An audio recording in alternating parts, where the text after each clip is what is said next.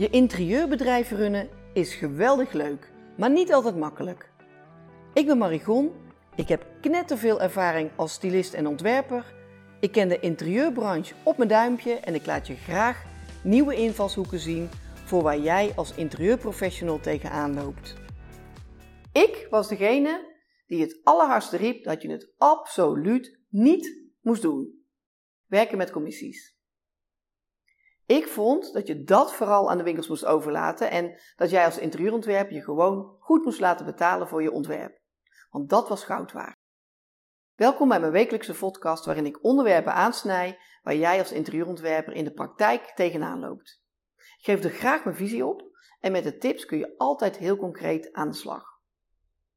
Het was 2008 en ik zat samen met vier andere interieurontwerpers in de voorbereidende fase van het oprichten van de beroepsvereniging BNS CRISP. En in het begin heette dat nog gewoon CRISP. Ik werd de eerste vier jaar voorzitter en ik voelde me enorm verantwoordelijk om ons vak als interieurontwerper of interieurstylist goed op de kaart te zetten, zodat door de hele branche wij op waarde geschat werden. Maar ja, we waren relatief nieuw en fris en dat was ook wel een heel klein beetje spannend voor de gevestigde orde.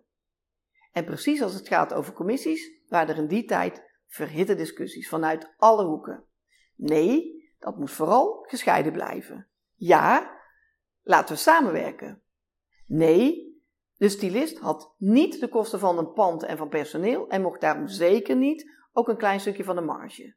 Ja, de ontwerper kwam de klant op een zilveren presenteerblaadje aanreiken, dus daar mocht gerust wel eens wat voor tegenover staan.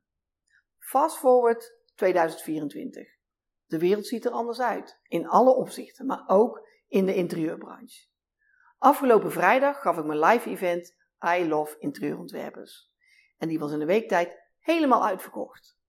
Ik gaf samen met Robert Schelkes van de Vesting een masterclass over commissies en hoe je dat het beste kon aanpakken. Hoe raar kan het gaan? Want van mijn stelling van 2008 is er eigenlijk maar weinig overeind gebleven.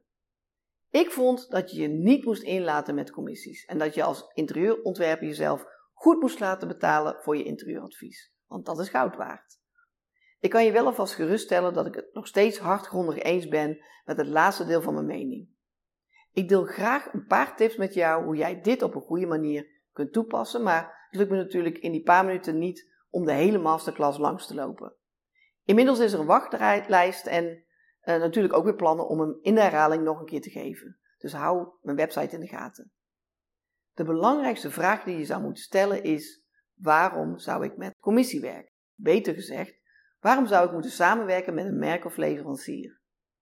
Het allerbelangrijkste naar mijn idee is dat je zo heel gemakkelijk met elkaar een band kunt opbouwen en elkaar daardoor kunt versterken en samen verder kunt groeien. En dat is niet alleen fysiek in real life zo, maar natuurlijk ook online en op je socials. Je kunt zo regelmatig in elkaars vijver vissen en op die manier visjes vangen die je anders niet in jouw vijver had gehad. Een ander bijkomend voordeel is dat jij op de hoogte blijft van de allerlaatste trends en de nieuwste collecties. En je kunt zelfs de winkel van je leverancier als XL stalenkamer gebruiken. Jij de stalen, jouw klant in zijn winkel. En dit noem ik win-win-win. Doordat je op de hoogte bent van de laatste trends en ook van de laatste technische kennis, kun je je expertise en daarmee ook je betrouwbaarheid vergroten. Bedenk maar eens wat er gebeurt als jij een dagje mee komt werken. Zijn of haar klanten krijgen dan in één keer een heel ander soort service. Het is dan echt een aanvulling aan de winkel. Je kunt ook bijvoorbeeld samen events organiseren en dan natuurlijk ook de promotie samen op gang brengen. Dat is leuk om te doen, en ook hier zul je zien dat een leuke groep mensen hier wagenwijd voor open staat. En aan het eind van dit event heb jij er een flink aantal warme leads bij die je kunt nabellen en opvolgen.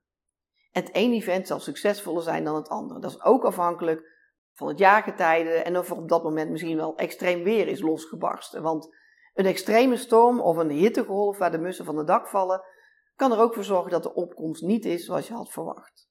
Maar laat je daardoor nooit uit het veld slaan. Live events zijn meer dan hot en veel ontwerpers zijn dolblij dat ze even een moment met iemand kunnen sparren. En natuurlijk, last but not least, als je fijne commissieafspraken kunt maken, dan word je daar helemaal gelukkig van. Laat je goed uitleggen hoe de commissie bij de ene partij of bij de andere precies werkt en maak dan een bewuste keuze. Kijk niet alleen naar de juiste afspraken, maar ook of je een logische match hebt qua uitstraling, qua klantengroep, maar ook qua personality. Dat blijft gewoon heel belangrijk. Het is slim om er gewoon een keer mee te starten. Stap af op een mooie partij waar jij je goed bij voelt en ga een open gesprek aan. En blijf zelf ook realistisch. Je kunt geen 40% marge vragen en vervolgens alle verantwoordelijkheid en garanties bij de winkel of de leverancier laten liggen. En er is ook nog een verschil tussen een lead aandragen en een concrete bestelling doen. Ook hier zul je een verschil in hoogte van commissie ervaren en dat is logisch. Als je de winkel al het werk laat doen, inmeten, iets op zich bezorgen, tekenen, meekijken en meedenken, dan is een commissie van 10% heel gebruikelijk. En werp jij je op als een echte ontzorger voor je klant, maar ook voor je leverancier, dan zijn de commissies zeker hoger. Het is een slimme strategie om werken met commissies te overwegen en het voor jezelf uit te zoeken. Het kan namelijk een substantieel onderdeel van jouw jaaromzet worden. Denk commercieel, maar blijf wel eerlijk en transparant naar je klant. Als een bepaald merk gewoon niet bij je klant past, dan duw je geen bank of vloerkleed door waar je klant helemaal niet gelukkig van wordt. Tijdens de masterclass is er nog veel meer uitgelegd en toegelicht.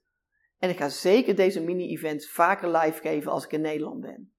Hou mijn website in de gaten en schrijf je ook in voor mijn wekelijkse inspiratiemail. Dan word je vanzelf op de hoogte gehouden.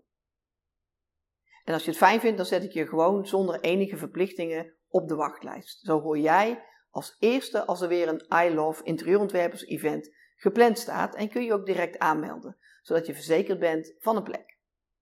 De onderwerpen gaan variëren en ik heb vanuit de groep van vorige week alweer een hele mooie wishlist kunnen samenstellen met hele praktische en concrete onderwerpen waar jij als interieurontwerper iets aan hebt. En als jij nu denkt, hmm, ik heb ook wel zo'n onderwerp waar ik wel eens wat meer over wil weten, kom maar door. En niet alleen voor de events natuurlijk, maar ook voor deze podcast. Want ik maak er met liefde één met jouw onderwerp. En ik hoop dat deze podcast weer waardevol voor je was. Laat het me weten in de comments. En ik zie je heel graag weer bij de volgende. Dag! Leuk dat je luisterde of keek naar deze podcast. Loop jij regelmatig tegen dingen aan in je interieurbedrijf waar je geen raad mee weet? Ik kijk graag met je mee en zoom in en uit op jouw bedrijf. Ik zie razendsnel welke winstkansen er voor jouw interieurbedrijf zijn. Ga naar marie-gon.com, start simpel met het invullen van de vragenlijst op een coachingspagina en ik neem heel gauw contact met je op.